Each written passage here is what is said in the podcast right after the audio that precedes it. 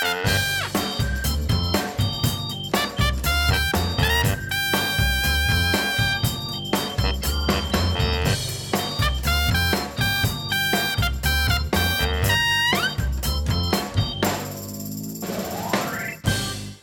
wordt toch veel geprotesteerd de laatste weken in Nederland en daar mogen christenen niet bij ontbreken.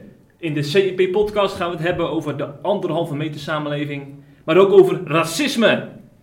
En dat doen we met z'n drieën, met Geerten, Patrick en ook ik mag er weer bij zijn. Ik vind het altijd zo gek om mijn eigen naam te noemen. Ik zei, de, ik zei de gek. ik zei de gek, ja. Noem maar gewoon ikke. Ik, eh, Dikke ikke. ik, ik, ik, ik, eh. Zeg, we gaan het hebben over eh, de anti-racismebeweging natuurlijk. Goed idee. Want eh, er wordt heel weinig over gesproken, vinden we. Ja, ja, Dus ja. we gaan er nog maar eens een podcastje over maken. Onderbelicht.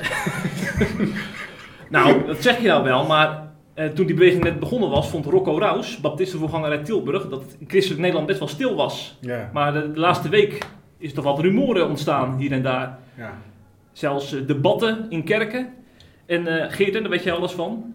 In jouw kerk Ja. zijn ze toch ook aan het debatteren? Nou, niet zozeer aan het debatteren, meer aan het luisteren naar elkaar volgens mij. was meer de bedoeling dan, dan erover debatteren. Ja, precies. Ehm, De verhalen aanhoren. ja, en ik zag ook dat de TER ook een soort eh, Ja. statement had gemaakt. Een van de grootste christelijke ontwikkelingsorganisaties Ja. eh, in Nederland. Dus het speelt zeker nu, ja. Ja, absoluut.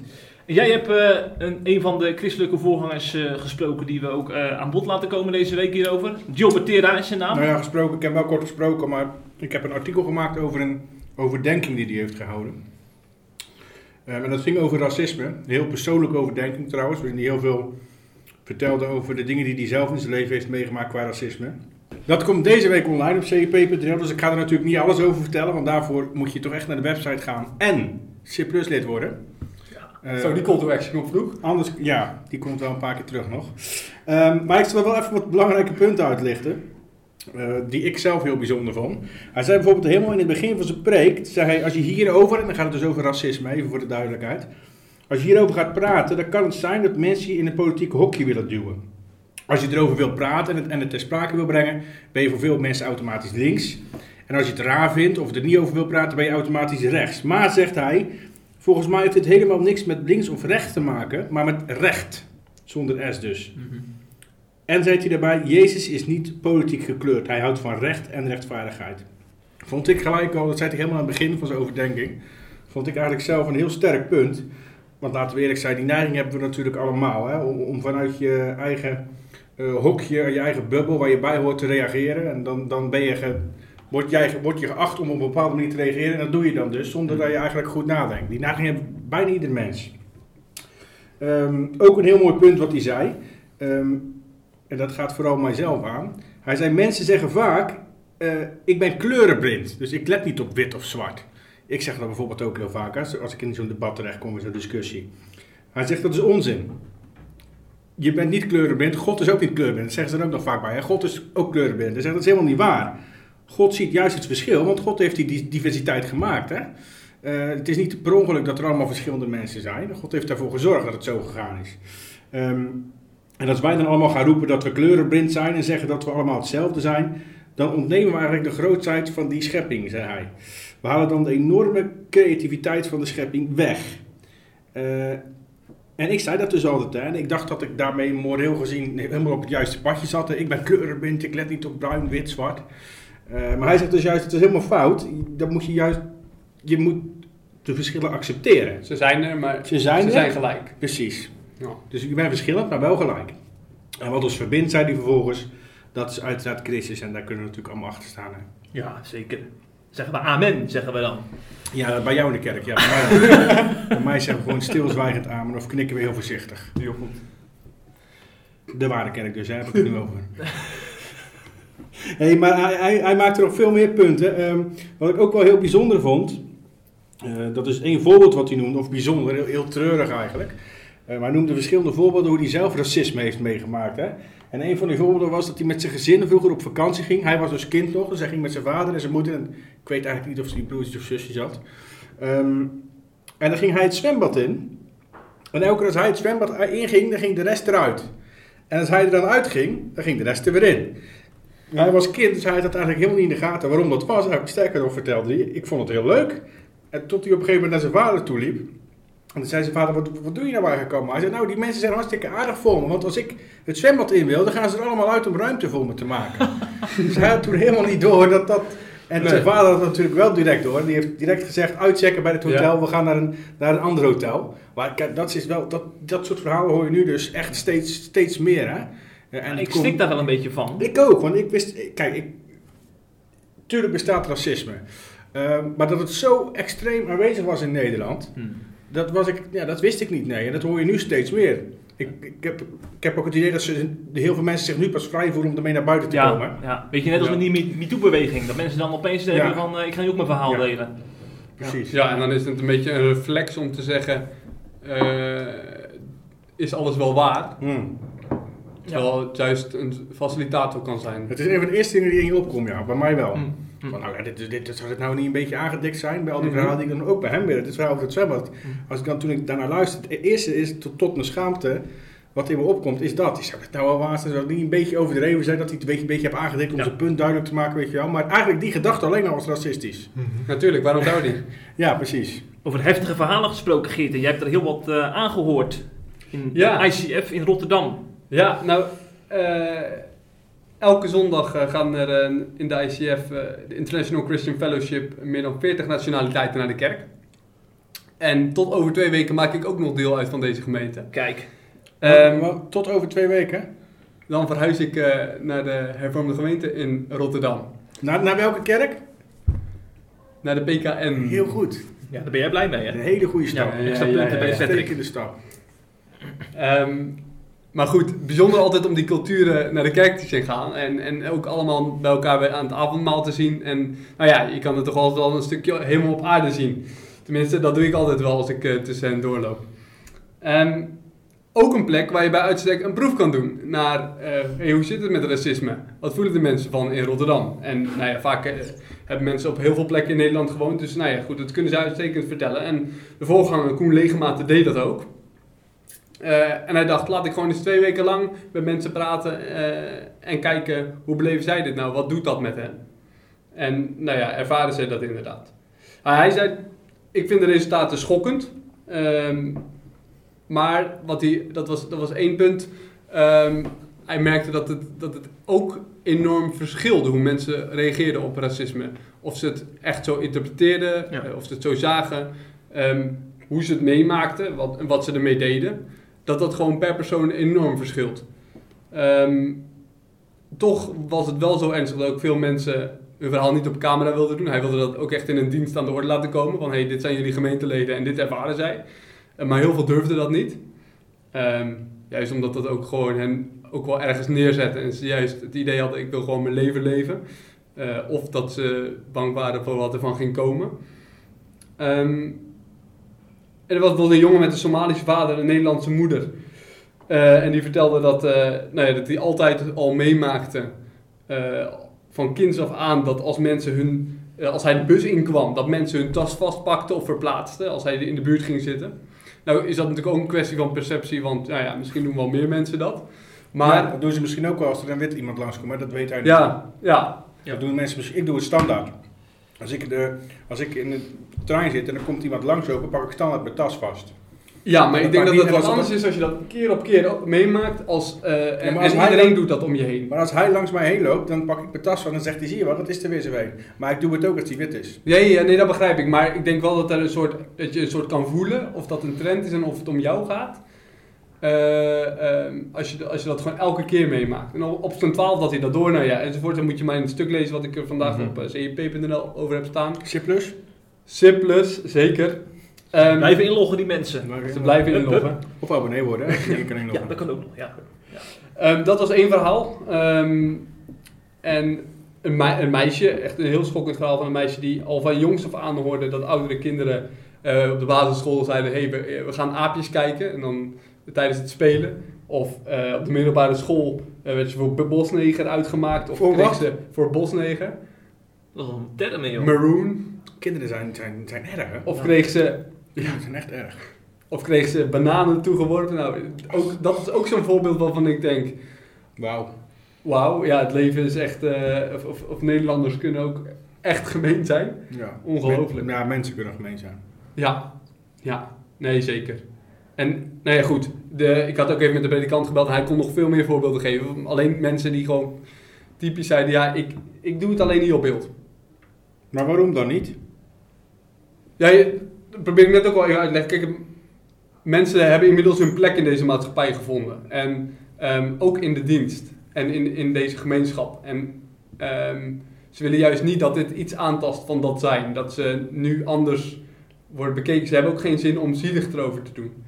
Juist hebben ze op een bepaalde manier een, een plek en lopen dingen, gaan dingen nu hun gangetje. Ehm, ja, en soms ook, kan het ook een beetje angst zijn, denk ik.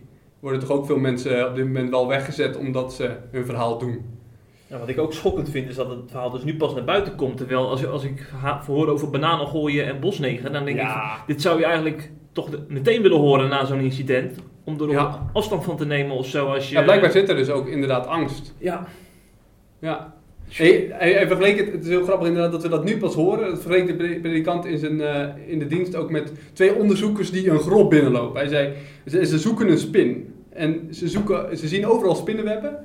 Maar zegt de ene, onderzoeker, ja, de spin zien we niet, dus hij is er niet. Terwijl die andere onderzoeker zegt, ja, maar hé, hey, zie je al die spinnenwebben? Dus dat vergeleek hij ook met het racisme-debat. hè. We zien nu overal die, ehm, ja, overal de symptomen, zeg maar. We zien overal de kleine stukjes racisme. En nou ja, ergens voel je het misschien zelf ook wel. Want eh, ergens kan je zelf ook ergens in je hoofd een soort verschil maken. Heel makkelijk, Ja, heel snel. ja. Ehm, en, en het is misschien wel diep geworteld dan we denken. En dat komt er met eh, de demonstraties naar buiten. Maar het is niet systematisch, vind ik. Het kan diep geworteld zitten, maar het is niet. Kijk, het- het zit niet in systemen in Nederland. Het zit niet in de overheid. Het zit niet in de politieorganisatie bijvoorbeeld, wat je in Amerika wel echt hebt in bepaalde staten. Ja, de dat, is wel, dat vind ik echt. Ja, dat vind ik een incident. Nou, nou, misschien is het goed om nou even een fragmentje te laten horen over mensen die eh, wel vinden dat het een systematisch probleem is. Niet alleen huidskleur, maar ook vooral de naam. Want eh, ja, mijn vader is Congolees en ik heb zijn, eh, zijn namen gekregen, familienamen. Ja. Dus eh, hij heeft bijvoorbeeld een, een Nederlands-Surinaamse naam. Dus we gingen allebei eh, solliciteren op een eh, baantje bij de Jumbo. En eh, hij mocht wel op sollicitatie komen, maar ik niet. En wat is jouw naam? Mijn is- naam is eh Kabo Moyanga. En, en jouw naam? Nieuwenhout. Ik en mijn vriendin, tenminste dat was, nou ja, wij zijn, we houden ons heel erg mee bezig daarmee. Eh, we hebben samen allebei gesolliciteerd voor dezelfde baan. Eh, dezelfde motivatiebrief en dezelfde ehm, cv. Maar ik werd niet eh, uitgenodigd voor een gesprek en zij weer wel. En na vier keer eh, is het zo verlopen. Vier keer is zij wel uitgenodigd, jij niet? Ja, Avond. ja, Je moet als donkere man bijna overdreven vriendelijk naar blanke mensen toe zijn voordat zij zich op zijn gemak voelen. Dus jij moet zorgen dat je met een brede glimlach, extra hallo, goedemiddag, een soort uber beschaafd doen. En dan voelen zij zich, oh ja, dan voel ik me niet bedreigd. Ik heb dagen meegemaakt dat ze bij het uitgaan, je wilt de club binnenlopen en dat ze dan zeggen van joh, met lang haar kom je vandaag niet binnen. Weet je, zulke dingen. Hebben jullie ook het idee dat je dan misschien minder, minder, minder intelligent wordt ingeschat? ja zeker. Dat is sowieso. Ja? Elke dag, echt waar. Elke Heb je daar een voorbeeld van? Ja, bijvoorbeeld ik zat te MAVO en ik slaagde en mensen vroegen me echt van, ben je geslaagd? Hoe dan? En het ergste is, ik was de top van de school, ik ging daarna naar de HAVO. En dat beseffen ze allemaal niet, want dan denken ze, hoe ben je geslaagd? Was jij slim? Nou ja, Patrick, je hebt dus net gezegd dat je het geen eh, probleem vindt dat in het Nederlandse systeem eh, Geen probleem, ho ho. Ik zeg dat het niet systematisch is Ja. zoals het in Amerika wel is. Dat denk ik, ja. Maar hoe komt het dan dat zo'n meisje dan zegt van eh, ik solliciteer eh, net als mijn blanke eh, vriendin bij een bedrijf en haar, zij nemen ze dan wel aan en mij niet. Ja. Terwijl het dezelfde brief was. Dan is dat bedrijf, eh, is, eh, die handelt racistisch, maar ik zou je zeggen, inmiddels zijn er net zoveel bedrijven die het precies andersom doen. Als je bij de NOS solliciteert en jij, en, ja, jij hebt een Nederlandse naam en dit schrijft iemand, solliciteert iemand met een Marokkaanse naam en ik schrijf en we schrijven exact dezelfde brief met exact dezelfde kwalificaties, dan weet ik zeker dat degene met die Marokkaanse naam eerder wordt aangenomen dan ik. en daar kan ik nog 15 organisaties van noemen, zeker in de Randstad. En die organisaties die worden alleen maar meer en meer en meer. Dat is precies hetzelfde, alleen Was andersom. het de Divi-bokaal? De Divi-bokaal, ja. Ja, ik ook nog over. Snap je? Dus dat is, eigenlijk is dat precies hetzelfde. Dat is ook discriminatie, alleen andersom. Maar dat wil niet zeggen dat je daarbij neer, neer moet leggen. Nee, nee, dat zeg ik ook Nee. niet. Ik zeg ook dat het fout is, hè? Oké. Allebei zijn fout, maar het is iets anders dan systematisch. Met systematisch bedoel ik dat het echt in, in, in systemen in de maatschappij zit. Hè? Dus in, in de behandeling van de overheid naar mensen toe. In de behandeling van de politie naar mensen toe. Nou, dat is in Nederland gewoon niet het geval. Maar, maar vind je het niet dat je een soort, als je, het, als je nu ziet dat, nou ja, ik weet niet hoeveel mensen er op de straat zijn gegaan, maar de straat op zijn gegaan, maar tienduizenden wellicht inmiddels. Mm. In, in Nederland ook. Ja. Vind je niet dat je dan kan zeggen, dan zit het blijkbaar wel een soort in de haarvaten van onze maatschappij? Maar ik, ik vind niet dat het aantal mensen dat de straat op gaat eh, bete- eh, iets zegt over of ze een goed punt hebben of niet. Nee, niet een goed Want punt, maar wel hoe wijdverbreid het is. van een jaar of 60, 70 geleden dat er heel veel meer mensen de straat op gingen in Nee, nee, maar wel hoe, hoe wijdverbreid het is. Ja, ja, ja nee, maar ik geloof ook wel dat er echt racisme is. Hè? Pas op, dat zeg ik niet. Alleen er is een verschil tussen eh, racisme eh, eh, van jou en mij. Mhm. Die, die neiging die we wel degelijk hebben, denk ik. Ik ook. En systematisch racisme, wat betekent dat, dat, dat het echt in systemen van de overheid bijvoorbeeld zit. Of van politieapparaten of enzovoort. En daar geloof ik niet in in Nederland. Oké. Sterker nog, ik geloof eerder andersom. Ah ja, etnisch Want bij de- als je profileren bij bij de, de politie- politie heb je natuurlijk op ja, zich wel. ja, maar als je, als je allochtoon bent of homo, word je aangemoedigd om te solliciteren bij de politie. Dus ja, In de Randstad dan, bedoel je? ja natuurlijk. ja, Ja. ja. Nou, echt twee Alles- werelden waarin we leven alles hier. wat fout is, is in de en alles daarbuiten is het leven goed. Let wel, we zitten in Utrecht, dames en heren. Ja, Zeker. dat wel. Ja, ja. Ja, ja, ja. Nou, misschien is het een goed moment om even over te gaan naar Palestina en Israël. Over bestaat. probleemgebied eh, eh, gesproken. De afgelopen weken waren we als christelijk Nederland getuigen van een, ja hoe moet je dat zeggen, een fitty of een rel tussen de Raad van Kerken en Christenen voor Israël. En dat begon allemaal bij een brief opgesteld door de Wereldraad van Kerken, die door de Nederlandse Raad van Kerken werd ondersteund. En eh, in die brief eh, werd dus eh, verwezen naar een heel actueel thema, namelijk het feit dat Israël binnenkort de westelijke Jordaanoever onder Israëlisch bestuur gaat plaatsen. Eh, anderen noemen dat annexeren. Christen van Israël eh, spreekt daar liever niet van, want die staat natuurlijk heel anders hier in deze discussie. Maar goed, dat roept natuurlijk heel wat vraagtekens op, zo'n beslu- besluit uit Israël. En de Wereldraad van Kerken heeft besloten om de Europese Unie op te roepen per brief om hier tegen in te gaan. Eh, overigens, de Europese Unie heeft al eerder laten weten dat eh, ze tegenstander zijn van dit plan. En ook de Nederlandse regering heeft zich daarachter geschaard. Ja. We spreken van een gevaarlijke precedent hè, dat Ja. hierdoor wordt geschapen Ja. door dit besluit van Netanyahu. Ehm, maar dan is natuurlijk de vraag, waarom zou je als Nederlandse Raad van Kerken überhaupt in zo'n ingewikkeld politiek conflict eh, jezelf mengen en een brief ondersteunen? Om te deugen. Ja, dat, is, dat, dat zou je kunnen denken, inderdaad. nu deug ik, hè? Ja, denk ik. Ja, ja. Oh, oh, oh. Je kan zo roemhouding nadoen.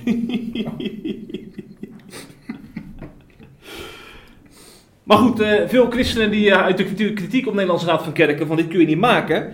Ik denk dat deze christenen om twee redenen boos zijn op de Raad van Kerken. Allereerst om deze passage uit de brief die de Wereldraad heeft opgesteld. De Wereldraad van Kerken en de Raad van Kerken van het Midden-Oosten roepen de EU dan ook op om ervoor te zorgen dat er een dergelijke annexatie reële gevolgen worden gegeven. Zoals de welke de EU heeft aangenomen als reactie op de annexatie van de Krim in Rusland. Kortom, uh, hiermee wordt gesuggereerd dat uh, de EU sancties moeten opleggen aan Israël. En verderop wordt ook ges gesproken over het uh, opschorten van het associatieverdrag tussen de EU, EU, en Israël. Dat zijn natuurlijk nogal zinnen die je daar neerpent als Raad van Kerken. Zo. En um, Christenen voor Israël heeft vervolgens een boze brief op de website geschreven als reactie hierop. Mm -hmm. En ook de achterban opgeroepen om brieven te schrijven aan de Nederlandse Raad van Kerken. Om eens een statement te maken van hier zijn we het niet mee eens. En daar is ook massaal gehoor aan gegeven. Overigens ging het niet alleen over de inhoud, hè, die kritiek. Want uh, de Raad van Kerken vertegenwoordigt 18 lidkerken en geassocieerde leden. Mm.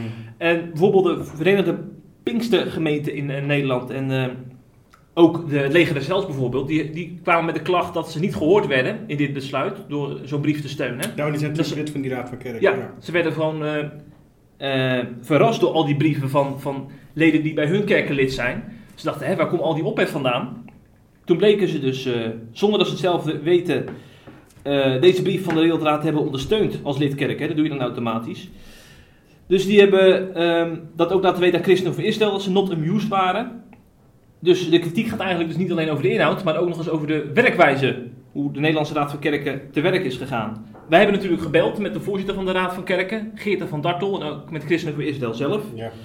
En al snel ehm, stak de Raad van Kerken de hand in eigen boezem. We hebben onzorgvuldig en overhaast gehandeld, eh, zei Geert van Dartel. En ehm, hij had met de kennis van nu eigenlijk liever zelf een brief willen opstellen.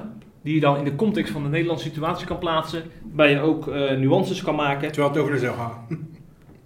Ja, dat is eigenlijk ook gek. Dat je als Nederlandse Raad van Kerken een brief zou opstellen over een conflict tussen Palestina en Israël. Ik bedoel, er zijn toch wel andere dingen waar je als Nederlandse Raad van Kerken mee bezig zou Ja. kunnen houden, Ja. zou ik denken. Racisme bijvoorbeeld. Maar goed, weet je wat dan hun... eh, Of eh, wat- homoseksualiteit betreft. Ja, dat gaat echt over Nederland, ja. ja. Maar hun tegenreactie is dan vervolgens... Kijk, wij zijn natuurlijk een platform. Dus die 18 leden van ons, die hebben uiteindelijk... eh, die bepalen uiteindelijk de agenda. Dus als er bijvoorbeeld een aantal kerken zijn die zich druk maken over Palestina en Israël... dan zetten ze dat op de agenda van de Raad van Kerken. En dan moeten ze er iets mee, zeg maar. Dus ik denk dat het zo ook een beetje is ontstaan. Heel veel kerken dat zij eh, toch wel een beetje aan de kant van Palestina zitten... en hebben opgeroepen om een statement te maken. Dus het is niet zozeer dat de Raad van Kerken daar zelf mee is gekomen, denk ik. Maar goed, ze zijn uiteindelijk wel verantwoordelijk voor die handtekening die ze niet hebben overlegd met die lidkerken natuurlijk. Dus vandaar ook de, de, de spijtbetuiging van Geert van Dartel.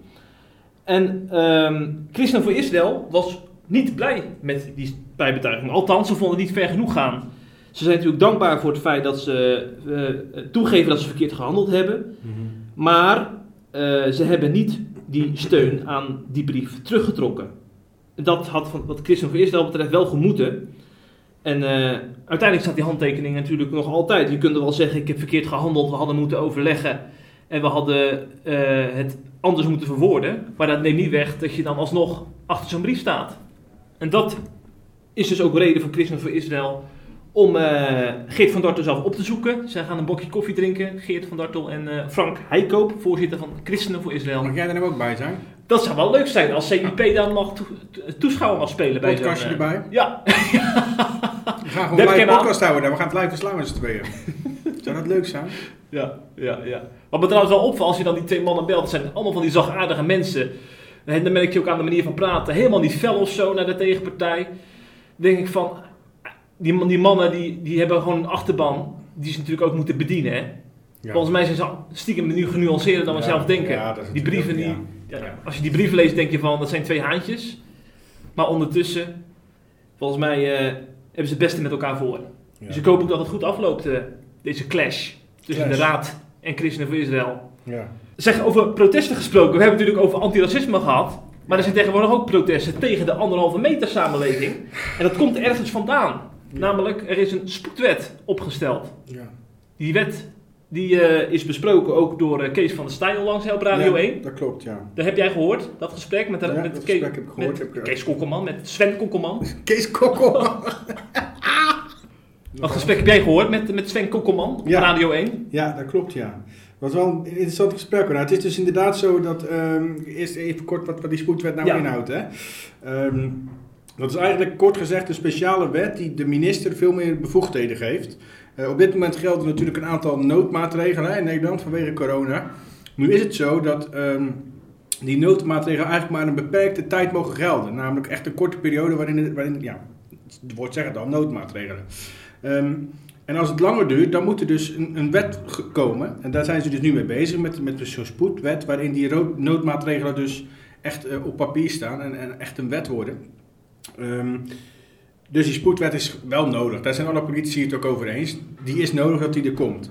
Alleen, eh, ze zijn het niet helemaal eens met de inhoud van de wet. De meeste politici dan. En dat is nog zacht uitgedrukt.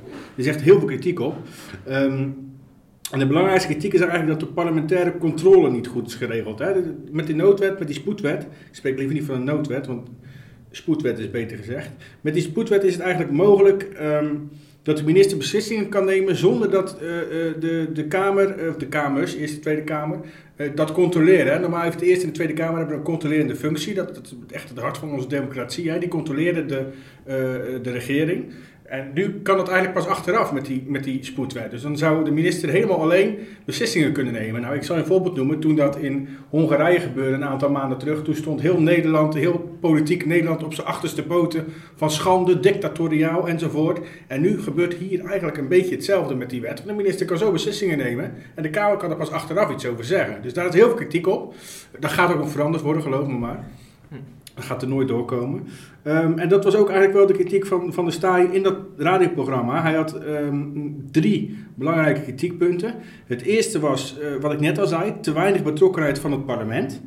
Ehm, dus hij wil gewoon dat de Eerste en de Tweede Kamer, vooral de Tweede Kamer dan, er meer over te zeggen krijgt. En dat de minister niet zomaar plotseling een beslissing kan nemen. Tenzij het echt heel erg acuut is. Hè. Dan moet dat natuurlijk wel kunnen. Ehm, ik bedoel, als de dijk op springen staan, dan moet hij niet eerst in de Tweede Kamer gaan overleggen of de mensen de dijk mogen, de vinger in de dijk mogen gaan steken, zeg maar. Ja. Ehm, het tweede was dat hij, dat sluit daarbij aan eigenlijk, vindt dat de minister te grote bevoegdheden krijgt, dat hij veel, veel te veel macht krijgt alleen, zeg maar. En het derde eh, kritiekpunt van de SGP en van Van der Staaij was dat de geldigheid van de wet veel te lang is. Die wet zou namelijk voor een jaar gelden. En hij zegt, oh, dat is wel heel erg lang. Hè? Je kan ook gewoon zeggen, eh, we doen eh, een maand en eh, we zetten in de wet dat die eventueel elke keer met een maand verlengd kan worden. Maar dit is wel heel lang, dit, dit, ja, er is heel veel kritiek op. Dat is ook heel logisch. Want dan zou eigenlijk een maand lang onder het bewind van Hugo de Jonge komen te zitten. Nou, fijn. hebben we gezien met die, met die wat hij nu heeft gedaan met uh, pastorale zorg aan homo's. Hè? Zo, inderdaad, ja. Ja, daar gaan we trouwens volgende week in de podcast over hebben. Uitgebreid. De gedragscode voor homopastoraat. Ja, uitgebreid gedaan. Ja. Ehm, ook Gertjans, eh dus Van der Staaij was behoorlijk rechtlijnig. En het komt eigenlijk op het volgende neer. Ehm, hij hoopt oprecht op een goede wet. Eh, maar dan moet er dus heel wat veranderd komen, worden. Want de wet zoals die nu is, die steunt hij absoluut niet. Sterker nog, die noemt hij zelfs een baggerwet. Luister maar. Ja, wij hebben nog geen wet. Dus eh, ik, ik kan nog niks zeggen zolang ik ook niet weet hoe lang eh, dat, eh, dat gaat duren. Het hangt natuurlijk ook af hoe zwaarwegend zijn de punten die de Raad van State ook nog zal aankaarten. Daar zal de regering zich ook nog op moeten beraden. En dan komt hij pas naar de Kamer toe. Dus als ik al deze kritiek op me in laat werken, denk ik dat de kans ook nog niet heel groot is dat we morgen die wet al ingediend krijgen van de kant van de regering. Nee. En als eh, een paal boven water staat, ik eh, vat het maar even dan definitief samen. Kees van de Staaij, dubbele punt. Ik steun geen baggerwet. Zo is dat. En ik zit wel erop eh, te hopen en te wachten om een goede wet te kunnen steunen. Nou, dat laat dan duidelijkheid eh, niks te wensen over Jeffrey. Zo kennen we van de staaien. Zo kennen we van de staai. Ook Gert-Jan Segers heeft gereageerd. Op de manier zoals we Gert-Jan Segers kennen. Oh. Namelijk iets minder inhoudelijk. Iets meer eh, politiek slim, zeg maar. Um, hij ging erop in tijdens eh, zijn toespraak op de online partijbijeenkomst van afgelopen zaterdag. Uh, en daarin zei hij uh, dat hij enorm veel mails, WhatsAppjes, berichtjes had gekregen van mensen die zich echt zorgen maakten om die spoedwet. Um, maar hij, ging daar, hij zei dat hij ging niet zo inhoudelijk erop in, zeg maar. Dat is ook niet zo verwonderlijk trouwens, want CU zit natuurlijk in het kabinet, hè, dus die kan niet, dat is iets moeilijker, die zit meer in een spagaat. Maar hij zei wel dat, dat gemerkt hebben dat er heel veel zorgen leefden en hij stelde dat serieus te nemen. En hij zei onder andere dat de spoedwet zoals hij er nu is niet goed genoeg is en beloofde dat de CU niet zou instemmen met een wet die niet deugt, want CU deugt natuurlijk. Um, dat is natuurlijk veel vager, veel minder concreet dan van de staai. Want kijk, ja, hier kan hij in principe altijd mee wegkomen. We gaan niet akkoord met een wet die niet deugt. Ja, wat houdt dan niet in dat die niet deugt? Weet je wel? Met elke wet kan hij straks zeggen, ja, maar wij vinden dat dat wel deugt. Snap je? Dus van het staatsrecht, dit, is, dit, is de, dit zijn de problemen wat ons betreft. Als ze daar niet aan tegemoet komen, steunen we de wet niet. Hij is wat minder concreet, maar dat komt dus, wat ik net al zei, omdat hij in die coalitie ja, zit. Precies. Dus dat begrijp ik ook wel. Ik geloof persoonlijk wel in de oprechtheid van, van Segers hoor. Mm. Uh, maar het is wel gewoon een stuk minder concreet en meetbaar uh, in vergelijking met wat Van der Staaij zegt. Hm. Zouden die andere coalitiepartners ook al uh, kritiek hebben geleverd? D66 en uh, Ik moet eerlijk zeggen dat ik dat niet echt... Ik, ik heb het niet voorbij zien komen. Gezien heb. CDA zal het niet, niet zo snel doen. Want het gaat hier om jonge jongen. Ja, nee. ja, ja. Uh, D66, nou, die zijn drukker met andere dingen, heb ik het idee. Je weet waar je op doelt, ja. Ja, um, ja verder, ja, nee, ik heb die echt gezien, nee. Nee, nee, nee. Nou, er gaat natuurlijk heel veel ophef komen als dadelijk dat debat ook uh, gaat ja. plaatsvinden hierover. Ja, en er is ook al, de, de, de Raad van State heeft, ook, heeft zich er ook over gebogen. En die hebben ook al gezegd, uh, dat zag ik toevallig vandaag of gisteren, Maar ik heb, moet zeggen, eerlijk zeggen dat ik het niet doorgelezen heb. Maar ik zag als kop dat de Raad van State al gezegd had van... eh, er gaat in de, precies wat Van der Staak zei, er gaat te veel macht naar de minister. Dit, dit, dit kan niet zo. Nee. Dus dat gaat sowieso veranderd worden. Dat, geef ik je op, dat geef ik je op een briefje, Jeffrey. Wie dat zal toejuichen als die wet niet doorgaat, dat is Henk van Deutenkom. Hij is een van de initiatiefnemers van een protest in Arnhem, waar afgelopen zaterdag 40 christenen bijeenkwamen om te protesteren tegen de anderhalve meter samenleving. dat zijn er een boel. 40! Ja. ik zat te denken, is dat nog een bijbels getal? Maar dat is natuurlijk vooral die 40 jaar in de woestijn. Dat zijn geen 40 mensen. Je zou denken, waarom zou je je vrije zaterdagmiddag opofferen, Patrick? Wat jij trouwens niet zomaar doet, hè? Je vrije zaterdagmiddag opofferen om te protesteren. Ja. Dan, dan, moet, het- dan moet je toch wel goede redenen voor hebben, zou je denken. een van die redenen ligt de Anne Borken toe. Hij is voorganger in Arnhem. En, Die eh, ken ik. Die ken jij. Die heb jij geïnterviewd? Die heb ik geïnterviewd over een heel bijzonder levensverhaal, ja. Oh ja. ja. Die komt binnenkort op SIP. Nou, die, hij heeft, eh, die, heeft, eh, ja, die heeft in een burn-out gezeten en die is daar op een hele wonderlijke manier van genezen. Hm. Maar dat komt binnenkort op SIP, daar gaat het nu natuurlijk niet over, dus ga verder. Nee. Nou, hij vertelde een aantal schijnende verhalen op het plein in Arnhem. Er zijn veel voorkomende hulpvragen die wij tegenkomen als het gaat om de mentale en de geestelijke gezondheidszorg in Arnhem. En dit zijn hulpvragen die rechtstreeks voortkomen uit de anderhalve meter praktijk. Ik noem hier een aantal voorbeelden. Deze namen zijn gefingeerd vanwege de privacy, maar dit zijn echte situaties.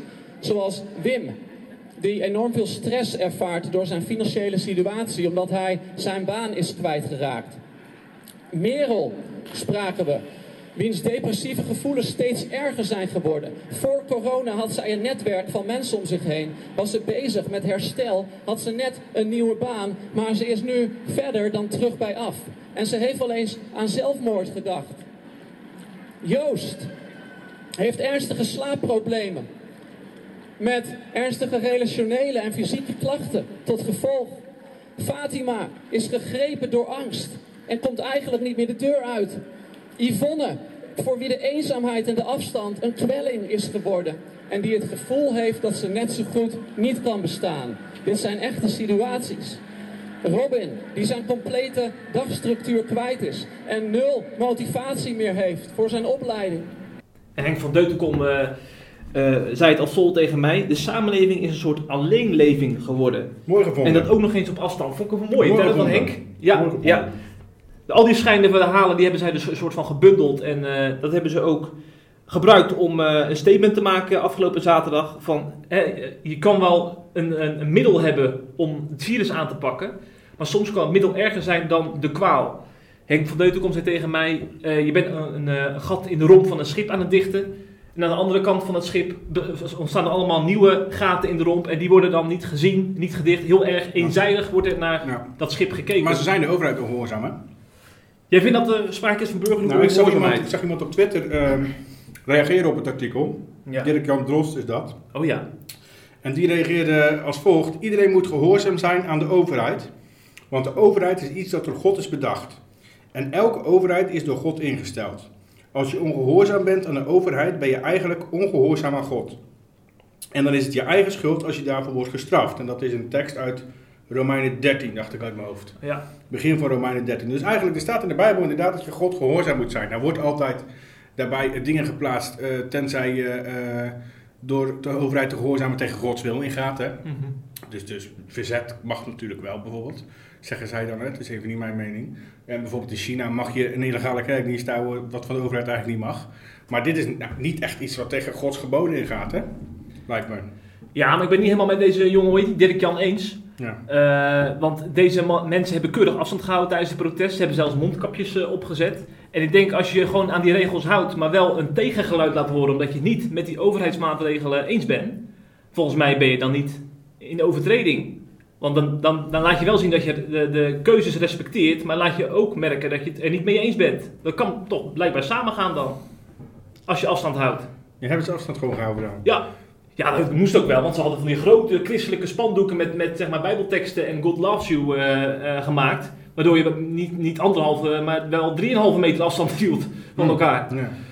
Dus, eh, ontkrachten hun eigen boodschap eigenlijk. nou, ik weet niet of je dat zo kan noemen. Je kan het ook een soort de dood noemen de- natuurlijk. De, boodschap was, de mens is door onze schepper niet gemaakt om op 1,5 afstand, 1,5 meter afstand te leven. En dan gaan ze zelf op 3,5 meter van elkaar staan, zeg je. Nee, goed punt. Nou, Maar dat kan ook een soort van tact zijn. Dat, want anders word je natuurlijk, krijg je dadelijk een boete. En dan, kom, je- dan, kom je Ja. niet, dan kom je niet in het nieuws omdat je daar hebt geprotesteerd, maar omdat je de regels hebt overtreden. Dus dan schiet je jezelf in de voet. Op de Dam kreeg je toch ook geen boete? Ja, maar daar hebben we Femke Halsema aan het roeren. Dat is niet in Arnhem. Ja, maar als je dat aanvecht, weet je het natuurlijk nooit. Verlies je dat nooit als je dat aanzegt. Maar goed, dat is een andere discussie. Ja. Ik snap wat je bedoelt inderdaad. Want ze hebben, ze hebben in principe niet zelf die anderhalf meter regel overtreden. Maar dat willen ze eigenlijk wel. Ja, ze willen, nou, ze willen in ieder geval. Ik denk dat ze, dat ze eh, vooral zo zien dat ehm, er heel erg eenzijdig wordt ingezet op een anderhalve meter regel en wachten op het vaccin. Terwijl er volgens hen veel meer maatwerk zou moeten zijn. Dus je kan. Ik denk als je zo doorpraat met Henk van Deutenkom zou die zeggen van... Tuurlijk moet je in sommige situaties wel anderhalve meter afstand houden. Maar als dat ten koste gaat van de economie, bijvoorbeeld eh, eh, als je op het terras anderhalve meter afstand moet houden en daardoor heel veel klanten misloopt, dan moet je ook kunnen accepteren van er zijn in de buitenlucht heel weinig besmettingsgevallen. Laten die de regel daar eventjes zitten. Ik denk dat zij veel meer voor dat maatwerk zijn dan die hele regel laten vallen. Dat, dat denk ik. En daar is wel wat voor te zeggen, want het is natuurlijk wel best wel eenzijdig van anderhalve meter, punt uit. En wat is de link naar de kerk dan nu even, of het geloof? Ja, dat is een goede dat je dat zegt. Want eh, ze hebben dus een statement willen maken tegen de regering. Maar ten tweede wilden ze ook een profetisch geluid laten horen. Ze vinden dat de kerken te weinig tegengas geven. En dat ze vooral bezig zijn met kerk zijn in coronatijd. Dus ze vinden dat de kerken vooral nu hun kerk inrichten door bijvoorbeeld gangpaden te maken. eh, door door eh, mensen op alfabet uit, uit te nodigen. Maar daar zou het niet meer moeten blijven volgens Henk van Deutenkom. Ze zouden ook de samenleving er veel bij, bij moeten betrekken. Door te laten zien dat God ook in coronatijd zijn liefdevolle armen naar je wil uitstrekken. Hoe? En dat hebben ze willen doen op, bij dat protest. Door te protesteren. Nee, door bijvoorbeeld, nou, eh, mev- mevrouw van Ekeleten volgens mij, die is ethicus. Die heeft bijvoorbeeld eh, op een plein een soort van getuigenis gegeven over Gods liefde. Eh, dat je juist in deze tijd naar elkaar in geloof mag omzien. Mhm. En nou, dan zei- om, om, om mevrouw van Ekelen heen zag ik allerlei mensen op een terras naar haar meeluisteren. En ik denk dat ze dat ook bedoelen. Zo laat je ook zien als kerk dat je in de samenleving je geluid laat horen. En niet alleen tussen die vier kerkmuren. Ja. Ik denk dat dat het punt van Henk van Deutenkom was. Dat is een mooi punt. Van Ekelen of Deutenkom? Allebei. Dat zeg je met een bepaalde ondertoon. Nee, nee, nee, nee, nee, dat Nee, je vindt het echt mooi, je vindt het echt mooi. Oprecht, ja. Oké. Dat laatste punt vind ik mooi. Ja. Het, alles wat daarvoor komt vind ik een beetje vergezocht en onzin, maar dat laatste punt Ja, vind dat zal ook met een charismatische achtergrond te maken hebben. Want ik zag voortdurend mensen halleluja roepen. En eh, eh, ook wel wat Pinkster-teksten eh, bezigen op het podium. Dus ik, ik heb het idee mooi. dat... teksten zoals... Nou, bijvoorbeeld dat je, dat je elke keer die amen-kreten tussen die eh, teksten doorhoort, weet je wel. Van amen. En eh, Gods liefde regeert. Dat soort, dat soort teksten hoor je natuurlijk niet op een demonstratie waarbij je alleen maar broeders uit de Griffmiddenbond eh bijeen ziet. Die demonstreren niet, hè? Die demonstreren ook niet, die weigeren ze ook gewoon. RMU is tegen demonstreren, tegen staken ook. Tegen? Staking, RMU. RMU is een vakbond, hè? Het is een regulatorische vakbond. Die zijn tegen staking. Oh ja. Ja. Op grond van, volgens mij op grond van wat ik net zei, overheid gehoorzamen. Mm, ja, ja, ja, ja. Maar goed, in ieder geval fijn dat ze de anderhalve meter afstand hielden. Ehm, ik ga zo weer terug naar Zeeland, Jeff.